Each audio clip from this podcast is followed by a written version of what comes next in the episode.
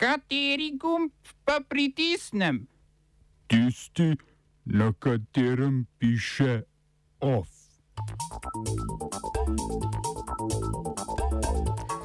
Na regionalnih volitvah v Franciji močne tradicionalne stranke, poraženca tako Marine Le Pen kot predsednik Macron. Nikol Pašinjan ponovno zmagal na volitvah v Armeniji. Padla švedska vlada.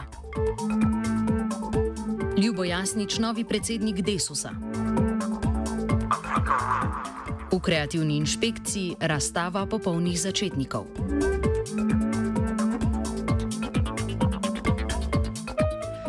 V vseh 13 regijah celinske Francije in v Reunionu, eni izmed petih čezmorskih regij, ter v 96 departmajih je potekal prvi krok regionalnih volitev. Volitve je najbolj zaznamovala nizka volilna udeležba, glasove je oddala zgolj tretjina volilnih upravičencev. V nobeni izmed regij sicer zmagovalec ni bil znan že v prvem krogu, v povprečju pa so se dobro odrezali kandidati, ki se potegujejo za nove mandate. Desno-nacionalistični nacionalni zbor, ki ga vodi Marine Le Pen, je dosegel slabši rezultat kot pričakovano, saj je kandidat stranke največ glasov dosegel zgolj v Provansi in še na tem tradicionalno plodnem terenu skrajne desnice zgolj z minimalno prednostjo. Če bi sešteli glasove vseh posameznih volitev, bi ugotovili, da je nacionalni zbor prejel skupaj manj kot 20 odstotkov glasov. Še slabši rezultat je dosegla stranka naprej predsednika Emanuela Makrona. Se je pa zato precej dobro odrezala tradicionalna desna sredina oziroma stranka Republikanci, ki je dosegla skoraj 30 odstotkov in tako po prvem krogu prevzela vodstvo v sedmih regijah. Tudi socialdemokrati so pokazali, da so na regionalni ravni še vedno relevantna politična sila, saj vodijo v petih regijah.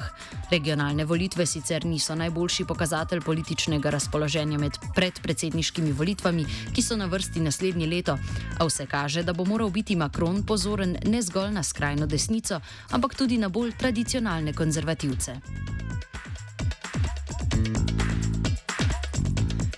Predčasne volitve so potekale tudi v Armeniji. Na njih je ponovno zmagala stranka Državljanska pogodba, ki jo vodi premijer Nikol Pašinjan.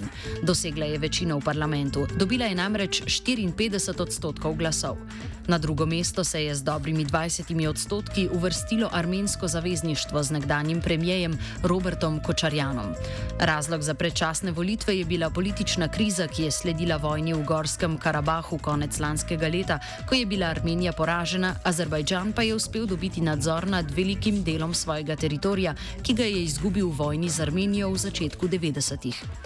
Pašinjan bo tako kljub porazu v vojni vodja armenske vlade, a se v parlament vrača z močno zmanjšano poslansko skupino. Ta je izgubila dvotretinsko večino, ki jo je imela od tako imenovane armenske žametne revolucije leta 2018.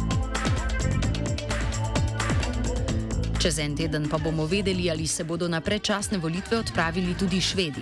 Premijer Stefan Lofen je namreč kot prvi premijer v zgodovini Švedske v parlamentu izgubil glasovanje o nezaupnici.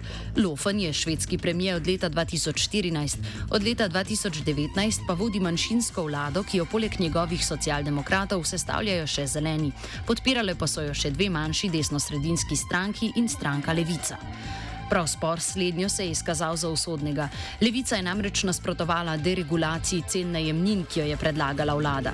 Cene najemnin za stanovanja so na švedskem strogo regulirana, vlada pa trdi, da zaradi tega zasebni investitorji niso pripravljeni vlagati v nova stanovanja. Cene leteh so v zadnjem času močno zrasle, ni pa se enako zgodilo z najemninami. Z najemninami. Predsednik vlade ima sedaj teden dni časa, da se odloči, ali naj skliče predčasne volitve ali pa poskusi sestaviti novo parlamentarno večino.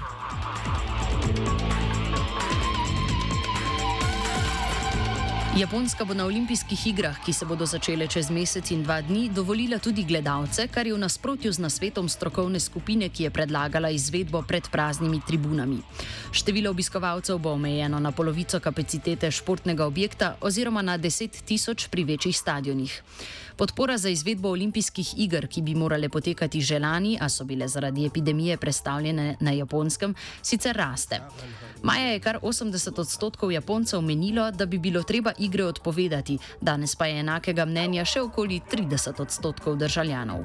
Premijer Yoshida Suga se je odločil, da svojo politično usodo stavi na uspešno izvedene olimpijske igre, do oktobra pa mora sklicati parlamentarne volitve. Oba, če, če bom odgovoril na angliški. Slovenija bo poskušala pomagati. Slovenija bo naredila naš utmost, da bo rekla, da je situacija naš problem, sami. In da bomo naredili nadaljnje korake, as soon as the conditions are. Bomo vlado Marjana Cererera Šarca podprli. Very, very serious. News from Slovenia. We know how and we will. Novi predsednik stranke Desus je postal Ljubo Jasnič. Prejel je 54 od 117 glasov. Srečko Felix Krope jih je dobil 38, Goraz Džmavc pa 24. Jasnič je tretji predsednik stranke v letu in pol, v preteklosti pa je že zasedal različne funkcije v stranki, med drugim je bil tudi generalni sekretar stranke, na zadnje pa predsednik občinskega odbora Ljubljana. Glavna naloga, ki niso bili kos njegovi predhodniki, tako redni kot vršilci dožnosti, skupnosti je odnos s poslansko skupino. A kot se je dalo razbrati iz Jasničevega predvolilnega govora, so člani stranke podprli kandidata, ki se v marsičem ne strinja s poslanci in vidi desus kot precej manj spravljivo opozicijo. Stranka se je večinsko odločila, da gre v opozicijo. To odločitev podpiram, čeprav vem, da ni bila lahka. Interes je, da je stranka, če se le da v vladni koaliciji, Od svojega nastanka je bil Desus večinoma vladna stranka, le redko opozicijska. Vendar Desusu ne more biti vseeno, kaj se dogaja pri drugih političnih vprašanjih. Na vse zadnje, upokojenci smo državljani, kot vsi drugi, in nas ne zanimajo samo pokojnine. Zanima nas splošno stanje v družbi, ki vpliva na kakovost našega in življenja naših otrok in vnukov. Vsi vemo, kaj se je dogajalo v času te vlade, oziroma kaj se dogaja v času te vlade. Vsi poznamo napake pri obladovanju pandemije, še zlasti v njenem drugem valu. In vsi smo videli, kako vladne stranke zlorabljajo pandemijo za svoje strankarske oziroma ideološke interese. Če poslanci večinoma povdarjajo izpolnjevanje koalicijskega dogovora, pa je Jasnič povedal, da eno najpomembnejših točk tega dogovora, zakon o demografskem skladu, kot je bil sprejet, v njegovih očeh ne izpolnjuje zahtev Desusa, saj da se ukvarja zgolj z nadzorom nad državnimi podjetji. Problem stranke vidi predvsem na ideološki ravni. Te programske točke, po mojem, Desus niso niti posebej pokopale v javnem mnenju. Tisto, kar pa je stranko dobesedno uničilo, je nespoštovanje vrednot, ki jih je in bi jih morala stranka vedno zastopati. Kongres je imela tudi najmočnejša parlamentarna stranka SDS, kjer pa zaskrbljenosti glede šibkega vodstva in neobogljivosti poslancev ali pokrajinskih odborov ni bilo. Za predsednika je bil, kot vedno od leta 1993, izvoljen Janez Janša. V nagovoru je dejal, da čeprav njegova generacija sicer še vedno ni rekla zadnje besede, v naslednjih letih veliko pričakujejo tudi od mlade generacije iz slovenske demokratske mladine. Delegati so sprejeli tudi vseh pet programskih resolucij, med drugim tudi tisto z naslovom Za obrambo ustavnih temeljev slovenske države, v kateri napoveduje tudi boj proti stranki Levici. Novi mufti islamske skupnosti v Sloveniji je postal Nevzet Porič. Porič je znan obraz islamske skupnosti, v kateri je bil zaposlen od leta 2003, najprej kot tajnik, nato kot generalni tajnik, v zadnjem času pa je bil tudi namestnik muftija Nedžada Grabusa, ki se s 30. junijem po desetih letih poslavlja z položaja. Mandat novega muftija bo trajal pet let.